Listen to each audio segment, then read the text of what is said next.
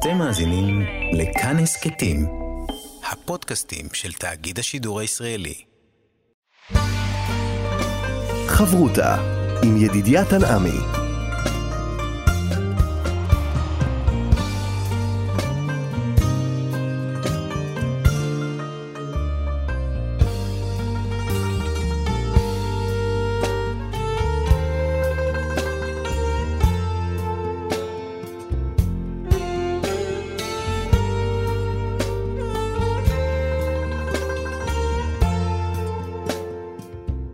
שלום, כאן מורשת חברותא, לימוד משותף עם רבנים ואנשי חינוך בנושא תנ"ך, הלכה ואמונה. היום אנחנו לומדים אמונה יחד עם הרב מתניה ידיד, ראש מרכז ספרא לחינוך וזהות. וכאן ליד המיקרופון ידידיה תנעמי, שלום לך הרב מתניה. שלום. אנחנו לאחר יום הכיפורים וקרבים אל חג הסוכות, והמעבר הזה הוא קצת אה, קשה. אתה עובר ככה 40 יום עשרה ימים מאוד ככה נוראים, ופתאום הכל משתחרר, שמחה גדולה, קשה ככה לעבור את זה. אה, כן, כולנו נמצאים באווירה הזאת של אחרי יום כיפור, אחרי התפילות הארוכות והצום והתענית וחודש אלול וראש השנה, ופתאום, אה, כמו שאמרת, אנחנו עוברים בעצם מיראה לאהבה. ושתי המידות הללו של יראה ואהבה, או כמו ששמעתי פעם מישהו אמר, אנחנו עוברים מימים נוראים לימים שמחים. וזה מאוד דיכוטומי. זאת אומרת, אתה, משהו אחד אתה עושה באופן אחד, אתה צם, אתה מתפלל, אתה מתוודע על העוונות שלך, ומיד אחרי זה אתה עובר לשמחה. אני רוצה להגיד שאנחנו ביום-יום חיים ככה קצת. מה זאת אומרת? אנחנו פותחים את היום במודה אני, ובשמחה על עצם החיים שלנו והקיום שלנו. בימים שיש בהם תחנון אנחנו עוברים גם וידוי. אבל בעצם מהלך חודש אלול ותשרי ביחד הוא מהלך אחד. מהלך אחד שמתחיל עם ראש חודש אלול ומסתיים בסוף חג הסוכות. במהלך הזה יש כמה באמת דרגות. יש יראה, יש אהבה, יש צום, יש חובה לאכול לפני הצום, יש חובה mm-hmm. לאכול אחרי הצום. כל הדברים הללו הם בעצם מבטאים את יומו של האדם. יומו של האדם צריך להיות מורכב גם מטיבול קטן של יראה, הרבה טיבול של אהבה, וככה גם נמצאים הימים האלה. רוב הימים הם ימים של שמחה ואהבה. לפי חז"ל, השמחה כאן היא שמחה כי נבחנו לנו העוונות, אז ודאי שאנחנו שמחים. אבל שוב, כשאתה מדבר על המעבר הזה, הרי הוא לא נגמר בסופו של דבר. הרי אנחנו יודעים שהחיתום של הדין הוא בהושענא רבה, ובסוכות אנחנו מתפללים על המים. אנחנו עדיין חרדים, אז מה... אני אשאל את זה כמו קהלת, ולשמחה מה זו עושה? יש כאלה שאפילו מושכים את זה בספרי החסידות עד לחנוכה, mm. אם תרצה. אה, שגם בעצם תחילת החורף היא תחילה של התכנסות, כן. ובעצם בירור של כל מה שעברת בחודשים האחרונים.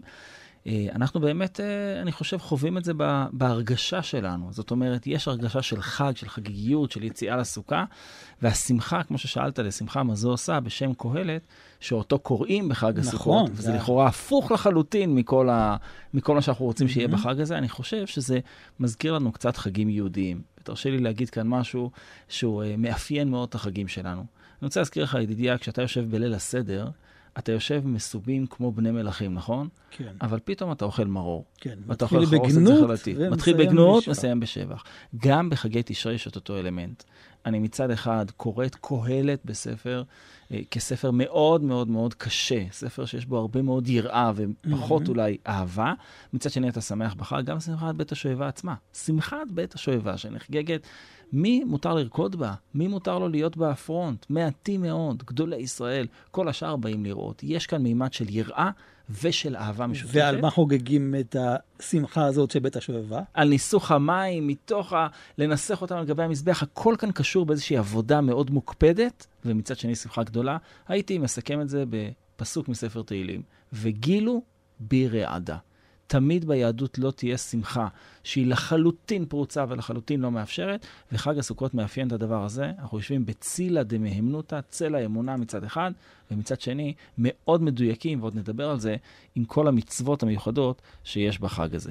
הזכרת את uh, ספר תהילים, אז דוד המלך, לפי אליהו רבא, אומר ככה, אני יראתי מתוך שמחתי, ושמחתי מתוך יראתי. ואהבתי עלתה על כולם. אז זה בדיוק השילוב הזה שמתחילים עם יראה, עוברים לשמחה, ומהשמחה מגיעים ליראה, ובסוף לאהבה. עד כדי כך שהגמרא מספרת שבשעת אה, חתונה של אחד האמוראים, אה, הוא ראה שחכמים שמחים מדי, הוא שבר שבר. כוס מאוד מאוד יקרה. והמשמעות הייתה, אנחנו צריכים לשמוח, צריך להיזהר שהשמחה הזאת לא תלך למקומות פחות טובים, ואותו דבר גם ביראה. גם יראה יכולה ללכת למקומות לא טובים. אז אנחנו יוצאים מיום כיפור לימי שמחה, זה האיזון הנכון. עכשיו, כשאנחנו מסתכלים על חג הסוכות, בעצם יש שתי מצוות. יש את המצווה של הסוכה, ויש את המצווה של ארבעת המינים. אז המצווה של הסוכה היא ברורה. כתוב כי בסוכות הושבתי את בני ישראל. אנחנו חוגגים את זה, מציינים את זה, זכר ליציאת מצרים. ארבעת המינים, למה זה קשור לכל המהלך הזה של אה, יציאת מצרים, ובסוכות הושבתי, בהחלט. ותראה, אפשר להשוות בין סוכות לארבעת המינים בהקשר של המים. תמיד הכל קשור למים, הכל קשור Mhm. לטבע. עד כדי כך, היום אנחנו לא מבינים את זה, אבל חז"ל קוראים למצוות סוכה מצווה שאין בה חסרון כיס. כי מה אתה צריך לעשות? להביא כמה ענפים ולשים על כמה עמותות עץ? כן, אין השקעה. אין השקעה גדולה, למרות שהיום אנחנו כבר משקיעים כן, בזה טוב, קצת אין יותר. תדור, אתה יודע, המצווה היא להיות כמו בבית, אז אה, לכן אה, משקיעים. אם הבתים כבר יותר אה, מושקעים, אז גם הסוכה יותר מושקעת, כן. בהחלט. אבל אני רוצה לתת לך איזשהו פן מעניין מאוד של מצוות ארבעת המינים, והיא קשורה לשמחה של החג הזה. איך ארבעת המינים קשורים לשמחה? אני יכול להגיד שזה מצווה, אבל איך זה קשור לשמחה? הספר החינוך, כשהוא מדבר על ארבעת המינים, כותב את הדבר הבא, תראה איזה משפטים יפים. וכמו כן, מצוות הלולב עם שלושת מיניו, נכון? הדס, ערבה ואתרוג. מזה השורש היא. למה? לפי שימי החג הם ימי שמחה גדולה לישראל. זה ברור. אדם שרואה את הטבע מתחיל להתחדש, הוא שמח יותר. אדם שיש לו תבואה, זה חג האסיף, שמח יותר. כי הוא עת אספת התבואות ופירות האילן בבית, ואז ישמחו בני אדם שמחה רבה. וציווה האל לעמו לעשות לפניו חג באותו זמן, באותה עת, לזכ... לזכותם להיות עיקר השמחה לשמו. עכשיו תראה מה הוא כותב על ארבעת המינים. וידוע מצד הטבע, כי ארבעה המינים כולם משמחי לב רואיהם. ידוע, אתה רואה, ואני חייב להגיד, התמונה כי הזאת... זה ירוק קודם כל. ירוק, ובית הכנסת מלא באנשים שמחזיקים לולב, הדס וערבה ואתרוג.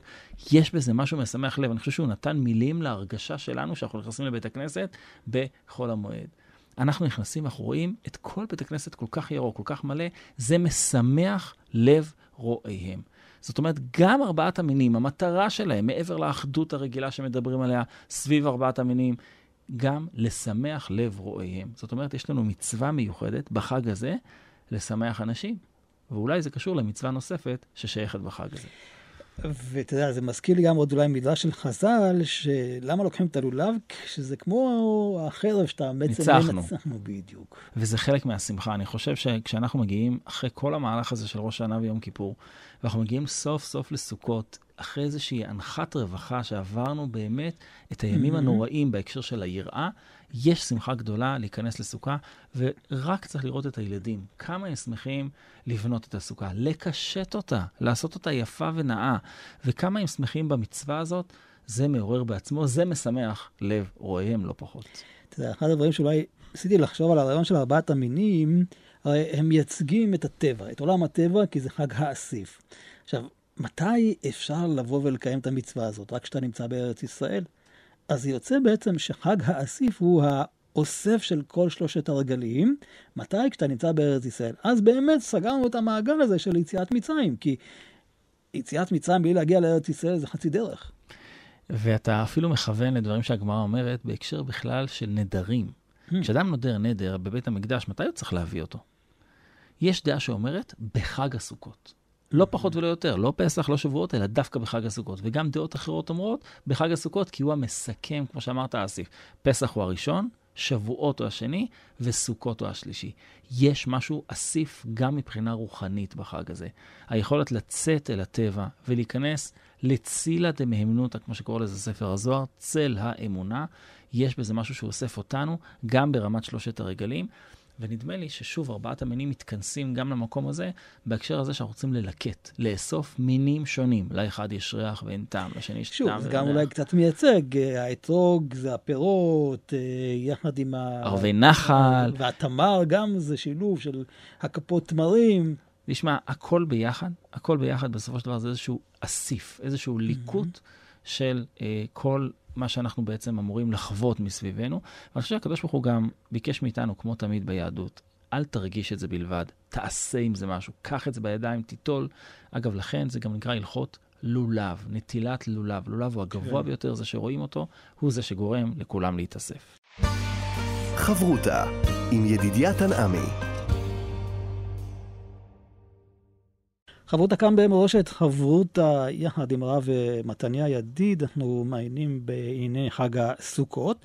וכשמדברים על חג הסוכות, אולי אחד הדברים היפים שאנחנו באמת אה, יוצאים החוצה, וכשיוצאים החוצה, אנחנו בעצם פותחים את עצמנו לכולם, נכון? כן, ואנחנו באמת, יש מצווה, אפשר לומר אפילו מנהג, לא הייתי קורא לזה ממש מצווה. הנושא הזה שנקרא אושפיזין, אורחים. אושפיז זה אורח בארמית, מהמם. ואנחנו מזמינים אורחים. עכשיו, חשבתי על זה שזה מאוד משונה, אנחנו בעצם אורחים. אנחנו אורחים בסוכה של עצמנו, אנחנו יוצאים החוצה, מתארחים בצילה דמיימנותא, בצל האמונה של כן. הקדוש ברוך הוא, ובעצם אנחנו מזמינים אורחים, זה לא כל כך יפה בתור אורח להזמין אורחים, ובכל זאת אנחנו רואים שהמנהג הזה של האושפיזין הוא מנהג מאוד קדום. המקור למנהג הוא בספר הזוהר, מרב המנונה. אגב, צריך לציין שרב המנונה לא מופיע בתלמוד ולא במדרשים. הוא מופיע רק בספר הזוהר, פעמים רבות, ורב המנונה בעצמו אה, היה מזמין אושפיזין לסוכה. ואנחנו משתמשים בנוסח שהוא הזמין, ככה במחזורים, בעיקר הספרדים, מופיע הנוסח של ספר הזוהר, שרב אמנונה היה מזמין את האושפיזין. שהם היו אושפזין ידועים כל שנה, נכון? אותם אושפיזין, ובאמת הוא היה מזמין אותם. תראה, תראה איך זה כתוב. כשהוא היה נכנס לסוכה, אני אומר את זה בתרגום לעברית, היה שמח, הווה חדי, היה מאוד שמח, ועומד על פתח הסוכה, ובאמת אחד המנהגים זה לא להיכנס לסוכה כל ערב מחדש, עד שאתה מזמין את האורחים. זה מזכיר קצת את שבת, את השלום עליכם, את המלאכים שמלווים. אותנו. נכון, הם מלווים אותנו, ובעצם אנחנו מקבלים אותם בשלום עליכם. ובסוכה יש לנו אושפיזין מאוד מיוחדים. היה שמח ועומד על פתח הסוכה מבפנים, ואמר, בואו נזמין לאושפיזין לשולחננו, ועומד על רגליו ואומר, בסוכות תשבו שבעת ימים, בואו, שבו אושפיזין אילין, בואו, אשפוזין של האמונה. עכשיו, יש כאן משהו מאוד מאוד יפה. אתה רוצה לשמוח? אתה באמת רוצה לשמוח בחג הסוכות? תארח. תזמין אורחים, תארח. זה, זה מזכיר את הרמב"ם, שכל השמחה היא לא שמחת uh, האדם וקרסו, אלא להאכיל את העניים ולשמח את וכשאדם הנצחים. מזמין אורחים, הוא לא שמח מקרסו. אדם שרק עושה לעצמו מנגל ויין ויושב ואוכל, זה אדם ששמח עם שמחת קרסו. אדם שמזמין אורחים, באופן מיידי הוא המארח, הוא טורח Mhm. עליהם, הוא עומד עליהם ויאכלו. זה מה שאנחנו רוצים בחג הסוכות.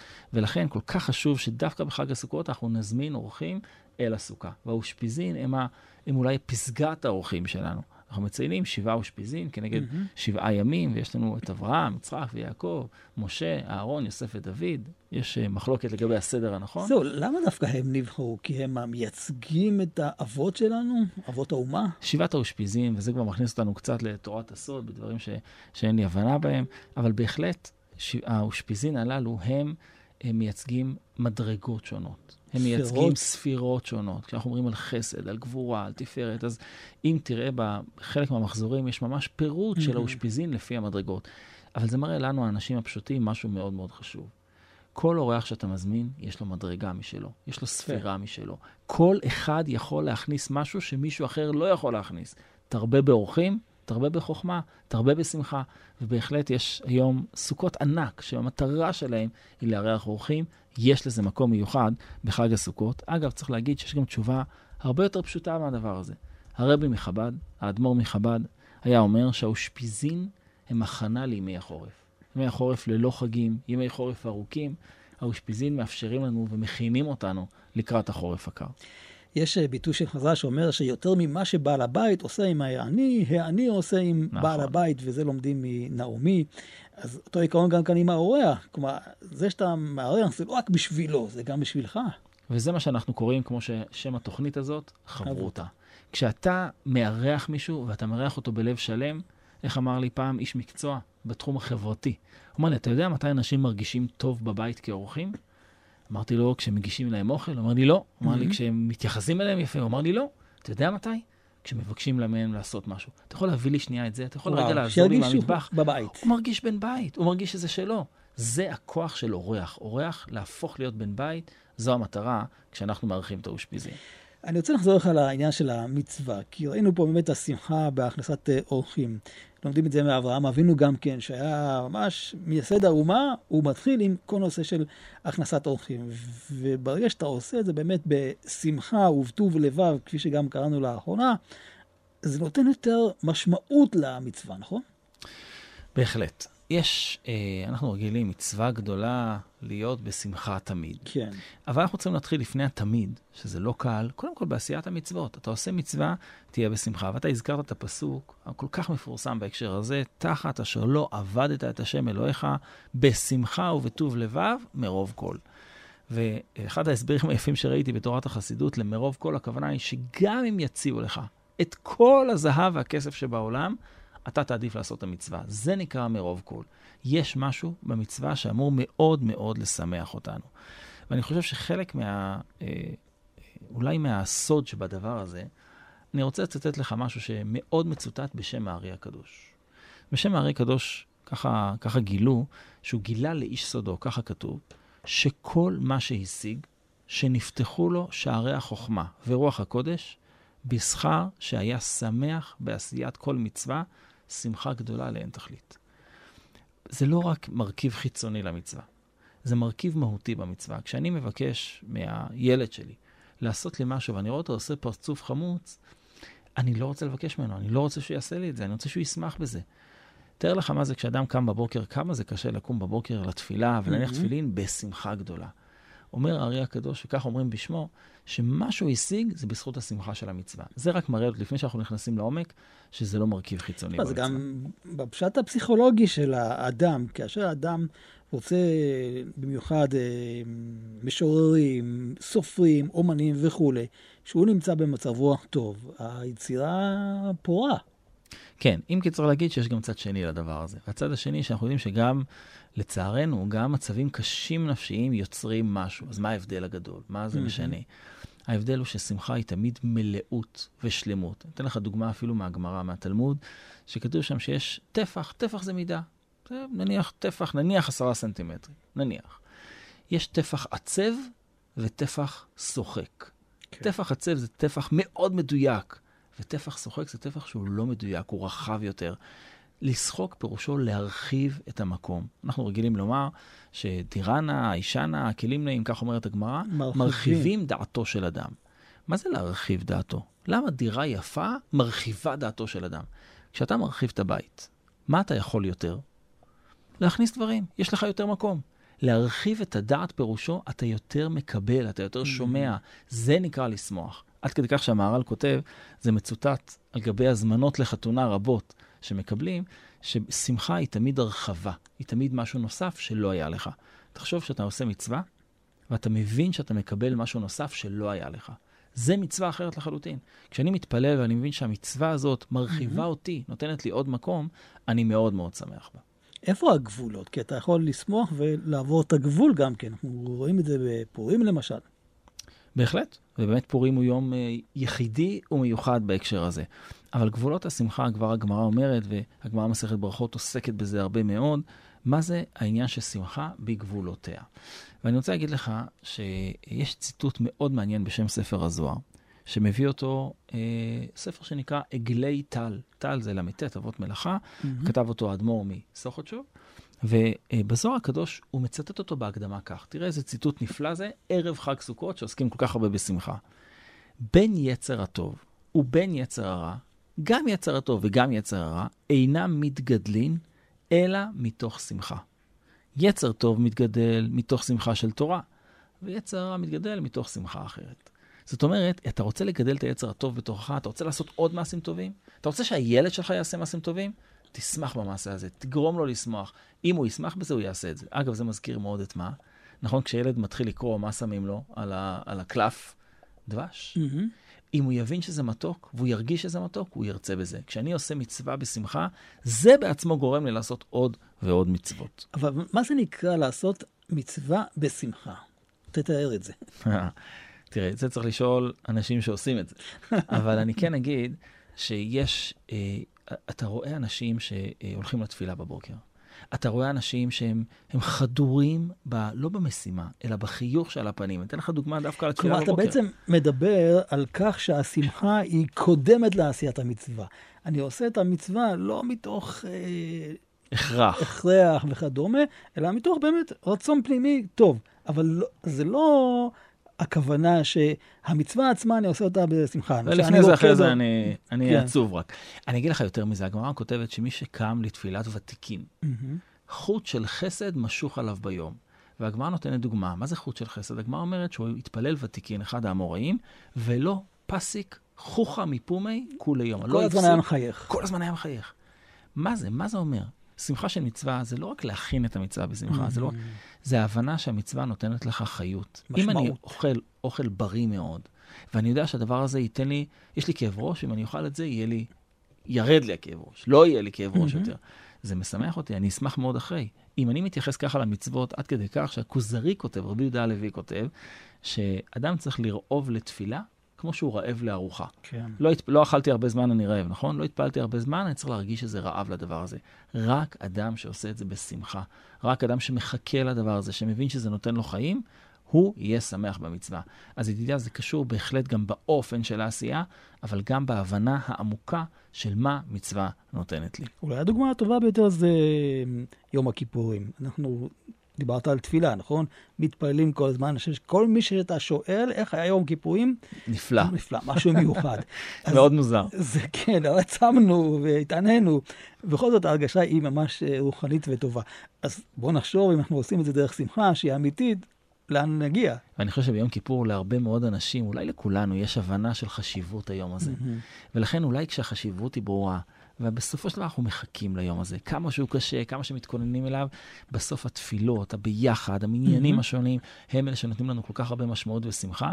ואמרת כל כך נכון, שואלים אותך איך היה יום כיפור, ואתה אומר, וואו, היה נפלא. מה זה הדבר הזה? הרי, הרי היה לך קשה. אתה יודע, לא מזמן עברנו תשעה באב, גם צמנו והתעננו. לא אותו דבר בכלל. או, אף אחד לא יגיד לך אחרי תשעה באב, תשמע, היה נפלא. ויום כיפור אנחנו חווים את זה, זו דוגמה מצוינת. ונדמה לי שגם במצוות שאנחנו, אה, אתה יודע, מי שמסיים את תיקון ליל הושענא רבה, תיקון כן. ליל שבועות, הוא יושב בבית הכנסת וקורא במשך 4-5 שעות את כל התיקון, שואלים אותו איך היה, היה נפלא. מה הבנת, מה אתה זוכר, אני לא יודע. אבל אני מרגיש שעשיתי את מה שנכון, עשיתי מה שציוויתנו. חברותה עם ידידיה תנעמי. מצווה, אלא גם ביופי. האתרוג צריך להיות הדר, וכל היופי של ה- ארבעת המינים, והסוכה, כלים נעים וכדומה, אז זה תוספת, נכון? כלומר, האם הדבר הזה, זה בגלל שאני רוצה להגיע למצווה של שמחה, אני עושה את זה יותר נאה? יפה. תראה, זה קודם כל מעניין מאוד, מה שאתה אומר עכשיו. האם באמת הנוי מביא אותי ליותר שמחה במצווה? ואני רוצה רגע ללכת צעד אחורה, ולהגיד לך שגם בנוי עצמו, ביופי עצמו, יש חשיבות? יש חשיבות עצומה. למשל, חז"ל דורשים על הפסוק, זה אלי וענווהו. ענווהו זו מילה, גם בעברית היא, היא, היא יחידאית, היא קשה. כן. מה זה וענווהו? דורשים חז"ל, התנאה לפניו במצוות. אם אתה עושה משהו, מצווה, תעשה אותה הכי יפה שאתה יכול. תעשה אותה נאה. התנאה לפניו במצוות. באמת אנחנו משקיעים. אגב, בסוכה, באמת יותר מדברים אחרים. כשאנחנו, אני יודע מה, אה, תוקעים בשופר, אנחנו לא אומרים שהשופר יהיה מאוד מאוד נאה, תקשט אותו שיהיה מיוחד. זה מאוד לא מקובל. בסוכה, אתה רואה לפעמים אנשים מגיעים גם עם ארבעת המינים בבית הכנסת, איזה השקעה של לעטוף אותם ולקשור אותם ולעשות אותם נאים ויפים, ושהאתרוג יהיה נאה. אתה יודע, אנשים לפעמים, אחד אוהב אתרוג ירוק, אחד אוהב אתרוג צהוב, ויש בזה עניין.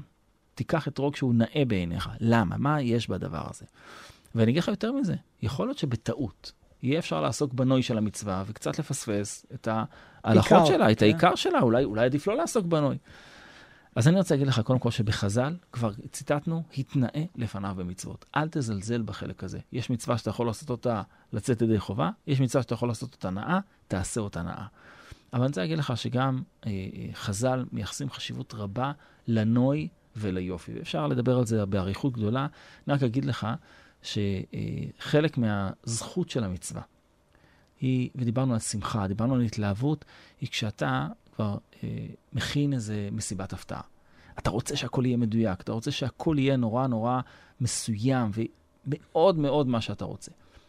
מי שאמר את זה זה הרב אלימלך בר שאול. זכר צדיק לברכה, שהיה רבה של רחובות, שאל אותו פעם אדם שאינו שומר תורה ומצוות, הוא אומר, תשמע, אני קשה לי הרבה דברים ביהדות, אבל יש דבר אחד שאני לא מצליח להבין אפילו לשיטתכם. הוא אומר, נניח יש מצווה, למה להחמיר? למה לעשות יותר ממה שנתבקשת? תעשה מה שצריך. אמר לו הרב אלימלך בר שאול, זכר צדיק לברכה, הוא אמר לו, תגיד לי, כשאתה מכין לזוגתך אה, מסיבה, חשוב לך שזה יהיה מדויק? Mm. חשוב לך שזה יהיה יפה? שכולם יגיעו בזמן? לו, מה זאת אומרת? חשוב לי מאוד. אומר לו, ככה אנחנו מקיימים מצוות. אם אני מחמיר במצווה, כי אני רוצה שהיא תהיה הכי יפה, הכי מכובדת שאפשר, אז זאת החמרה נכונה. כן, זה לא מתוך פחד. להפך, זה מתוך אהבה גדולה. וכשאדם, דיברנו על יראה ואהבה, כשאדם עושה את זה מתוך אהבה, הוא יעשה את הסוכה הכי מקושטת שאפשר, לא כי הוא שולח אותה לתחרות הסוכה היפה של העיר, אלא בגלל שהוא רוצה שהמצווה הזאת תהיה שלמה. אגב, וצריך להזכיר את זה פעם אחר פעם, שהרמב"ם כותב שיש 613 מצוות בתורה, כדי שכל אחד יהיה לו מצווה אחת שבה הוא מתנאה במיוחד, אותה הוא עושה חזק במיוחד. היום העולם מדבר הרבה על היופי החיצוני, על האריזה, על הנראות, אבל לא צלחות תמיד... צלחות אפילו מדברים. כן. לא תמיד התוכן הוא שווה את זה.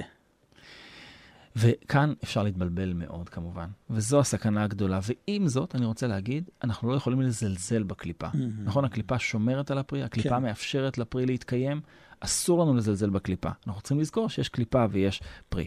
חלק מה, מהדבר הזה, אה, משפט מאוד מאוד מעניין, שמופיע בגמרא במסכת שבת. אין השכינה שורה, על גבי נבואה. אתה שואל אותי על מי השכינה שורה, הייתי נותן mm-hmm. לך פה רשימה של דברים. מה הגמרא נותנת? אין השכינה שורה, אלא על חכם, גיבור, עשיר ובעל קומה. לפחות שלושה פרמטרים פה. הם לא בדיוק פרמטרים פנימיים. גיבור, עשיר, בעל קומה. אגב, מה זה בעל קומה?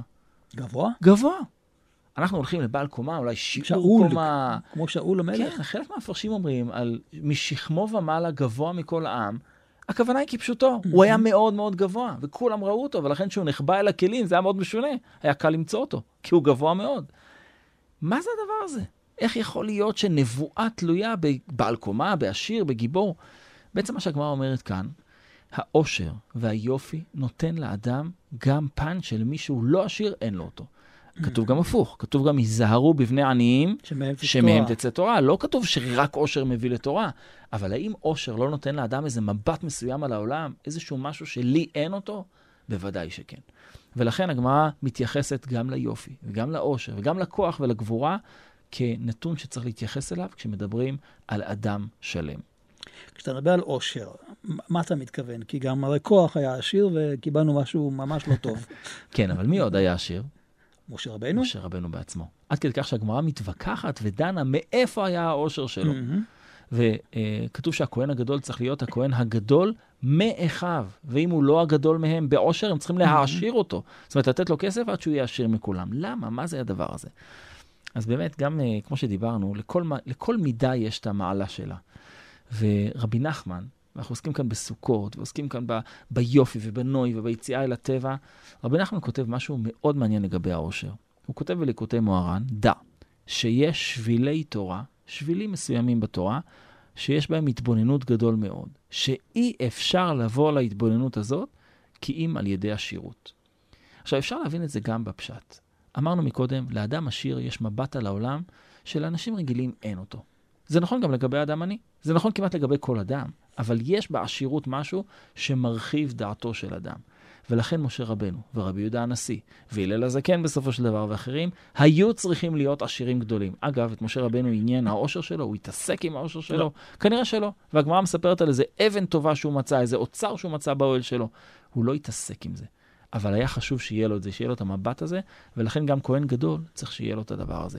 במילים אחרות, גם אם אנחנו לא מבינים את זה עד הסוף, יש מעלה גדולה לאושר, ליופי, לכוח, לגבורה, בתנאי, כמו שאמרת, שמשתמשים בהם באופן הנכון. זהו, כי התורה גם מזהירה, עם הכניסה לארץ ישראל, כי תגיע לארץ ישראל, תבנה בתים, וישבת וכו'. שמנת, עבית, כסית. בדיוק. וזאת מחלוקת ידועה בין הרב קוק לבין בעל חובות הלבבות, למרות שביניהם יש כמעט 800 mm, שנה של פער. בכל זאת, בבית המדרש הם יכולים לחלוק זה על זה. וחובות הלבבות כותב משפט שהוא קשה מאוד. הוא כותב משפט, כל זמן שהוסיפה הארץ יישוב, הוסיף השכל חורבן. וואה. תדע לך, המדינה מתפתחת, השכל יורד. יש יותר שפע, אנשים פחות לומדים ופחות רוחניים. והרב קוק קורא את המשפט הזה, והרי הוא מאמין בפיתוח הארץ, mm-hmm. הוא דוגל בזה, איך הוא יכול להתמודד עם משפט כזה? אז הוא כותב ככה, הוא אומר, הרב קוק זה נכון, בהיסטוריה היהודית הרבה פעמים זה נכון, אבל אין זה לכלל מוחלט, זה לא חייב להיות ככה. אלא, ובסוף הוא כותב, הדרך הנכונה היא, כל מה שיתווסף בגופו חוזק ואומץ, יתווסף גם בשכלו אומץ וקדושה. אתה שואל אותי מה הדרך הנכונה ללכת בה? אתה שואל אותי מה, בניגוד לחובות הלוואות, האם זה חייב להיות ככה? התשובה היא לא. אנחנו יכולים להוסיף את יישוב הארץ, לפתח אותה, ולראות איך השכל גדל ומתאמץ, ולא להפך. הרב מתניה, אז כשמתבוננים בסופו של דבר על חג הסוכות, מצד אחד זה חג גשמי, טבעי, כן? ארבעת המינים. אה, צריך לאחוז המ... בהם, ליטול אותם. לתפוס אותם ממש. נכון. והמים, זה שוב, עניינים שקשורים להצמחת התבואה והפירות. אבל מצד אחר אנחנו פוגשים את שמחת בית השואבה, שזה משהו מאוד רוחני. זה מתחבר ביחד? והסוכה, והסוכה עצמה היא כל, כל מה שכתוב עליה, וה, כן. וה, צל האמונה. צל האמונה ורוח הקודש והכול. תראה, שמחה בת השואבה היא דוגמה מצוינת לשילובים האלה בין רוח לחומר. כי מצד אחד היה ריקודים. עד כדי כך שהגמרא מתארת שהיו מכינים את המנורות, והיו אבוקות של אש שזורקים, כן. וכלי זמר וכלי נגינה. היה שם משהו מאוד מאוד פיזי, מאוד שמחה מאוד מאוד מעשית mm-hmm. וגשמית. ומצד שני, על הפסוק שאומרים אותו בשמחה בת השבע, ושאבתם מים בששון ממעייני הישועה, מתרגם התרגום, תקבלו תורה חדשה מבכירי הצדיקים. Hmm. אני בא לשמוח, אני בא לרקוד, אבל תדע לך, בבית המקדש יש מקום שבו נפגשים שמיים וארץ. והשמחה הפיזית הזאת, שמכינים אותה, ויש שם מקום לנשים, מקום לגברים, וה, והגברים לא רוקדים, רק הגדולי, גדולי ישראל והרבנים והדיינים, הם אלה שרוקדים. בינינו, ידידיה, לא בטוח שהם הרקדנים הכי טובים שיש. אבל הם צריכים לרקוד, הם צריכים לשמח את הציבור, והרמב"ם שואל, רגע, אז למה כולם באים? והוא עונה, הם באים כדי לראות את השמחה הגדולה הזאת ולקבל רוח חדשה. כשאתה רוצה לקבל רוח חדשה, זה חייב לבוא דרך, כמו שאמרת, ליטול את הלולב, לשמוח בחג הסוכות, גם בצד המעשי של זה. אני מזכיר לך, המצווה בסוכות היא גם לאכול בשר ולשתות נכון, יין. נכון, בסוכה. בסוכה. המצווה היא עד כדי כך שיש מחלוקת במשנה, נכון? אם יש חובה לאכול mm-hmm. 14 סעודות, או רק ביום הראשון. אז להלכה אנחנו נוקטים שיש ביום הראשון. האם יש בזה מעלה? בטח שיש בזה מעלה.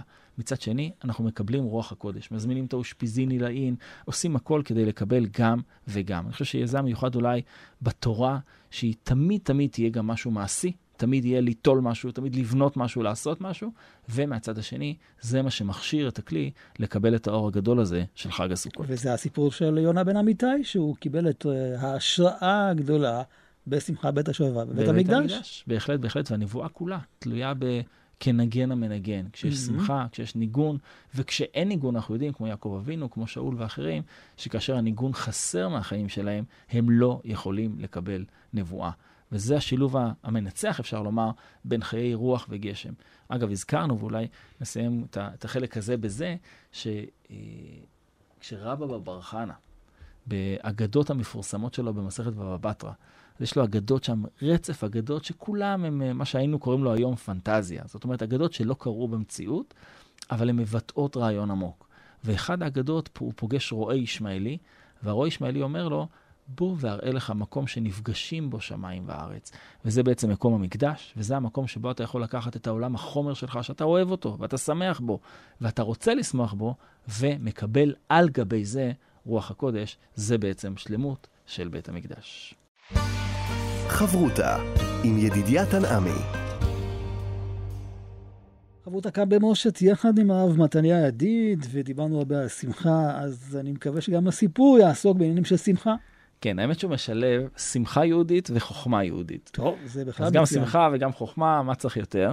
אז באמת, אה, יש כל כך הרבה סיפורים, מקבץ סיפורים מאוד גדול על האחים הצדיקים, רבי זושה מהניפולי ורבי אלימלך מליז'נסק, שבאמת החיים בגולה היו כל כך קשים וכל כך מורכבים, ולמצוא שמחה ברגעים האלה, כל סיפור כזה צריך לאחוז חזק מאוד. באמת, אחד הסיפורים הוא שהאחים הקדושים האלה, מפילים אותם לכלא. על מה? זה לא משנה, ולא חשוב מה, היהודים נפלו אה, לכלא לפעמים בצדק, לפעמים שלא בצדק. ובכלא העירוני, אה, אתה יודע, כלא נראה כמו כלא. אין הרבה אוכל ואין הרבה שתייה, ואת הצרכים אתה עושה בתוך התא שלך. עכשיו, אם יהודי רוצה להתפלל, ויש לו צרכים בתוך התא, הוא לא יכול להתפלל. אסור להתפלל במקום שמריח רע, בטח אם הוא לא, זה נמצא כל כך קרוב אליו. והם לא יודעים מה לעשות. ורבי סושה ורבי אלימלך, אפילו לדבר בדברי תורה הם לא יכולים, מהריח הרע שיש בתא. והם שוקלים בעצמם מה לעשות. והם אמרו, תשמע, אם אנחנו נהיה בשמחה, זה ייפתר. וכך הם מתחילים לשמוח. איך יהודים שמחים? רוקדים. רוקדים, מתחילים לרקוד ולשמוח, ו- ו- וזה מדביק את התאים האחרים בכלא. ופתאום, כל הכלא מתחיל לרקוד ולשמוח, והם מתחילים לרקוד ולשיר, ועוד שיר ועוד שיר, עד שזה מגיע, הסוהרים כבר לא מבינים מה קורה, זה אמנם הם לא בורחים ולא שום דבר, אבל מה קורה פה? ואחד הסוהרים ניגש לאחים הצדיקים ואומר לו, תגיד לי, אתה יכול להסביר לי על מה השמחה הגדולה? אתה נמצא פה ואתה לא יודע, אתה... אני אומר לך, אתה תהיה פה הרבה זמן, מה אתה שמח כל כך? אומר לו, תשמע, אתה לא מבין, הדלי הזה שבקצה, הוא משמח אותנו. עכשיו, כל היהודים שומעים את זה ולא מבינים מה הוא רוצה, הם יודעים בדיוק מה יש בדלי. אתה לא מבין כמה זה משמח אותנו, אל תיקחו לי את זה מפה, תשאירו לי פה את הדלי הזה.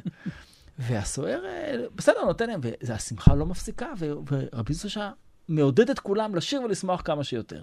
בסוף מנהל הכלא מרגיש שיש פה איזה סיפור שהוא כנראה לא מבין, כנראה עובדים עליו משהו. הוא יורד לשם ואומר להם, תגידו לי, מה הסיפור פה? אומר לו, תשמע, כל עוד הדלי הזה נמצא כאן, אנחנו שמחים. תדע לך, ואפשרים ורוקדים ושמחים.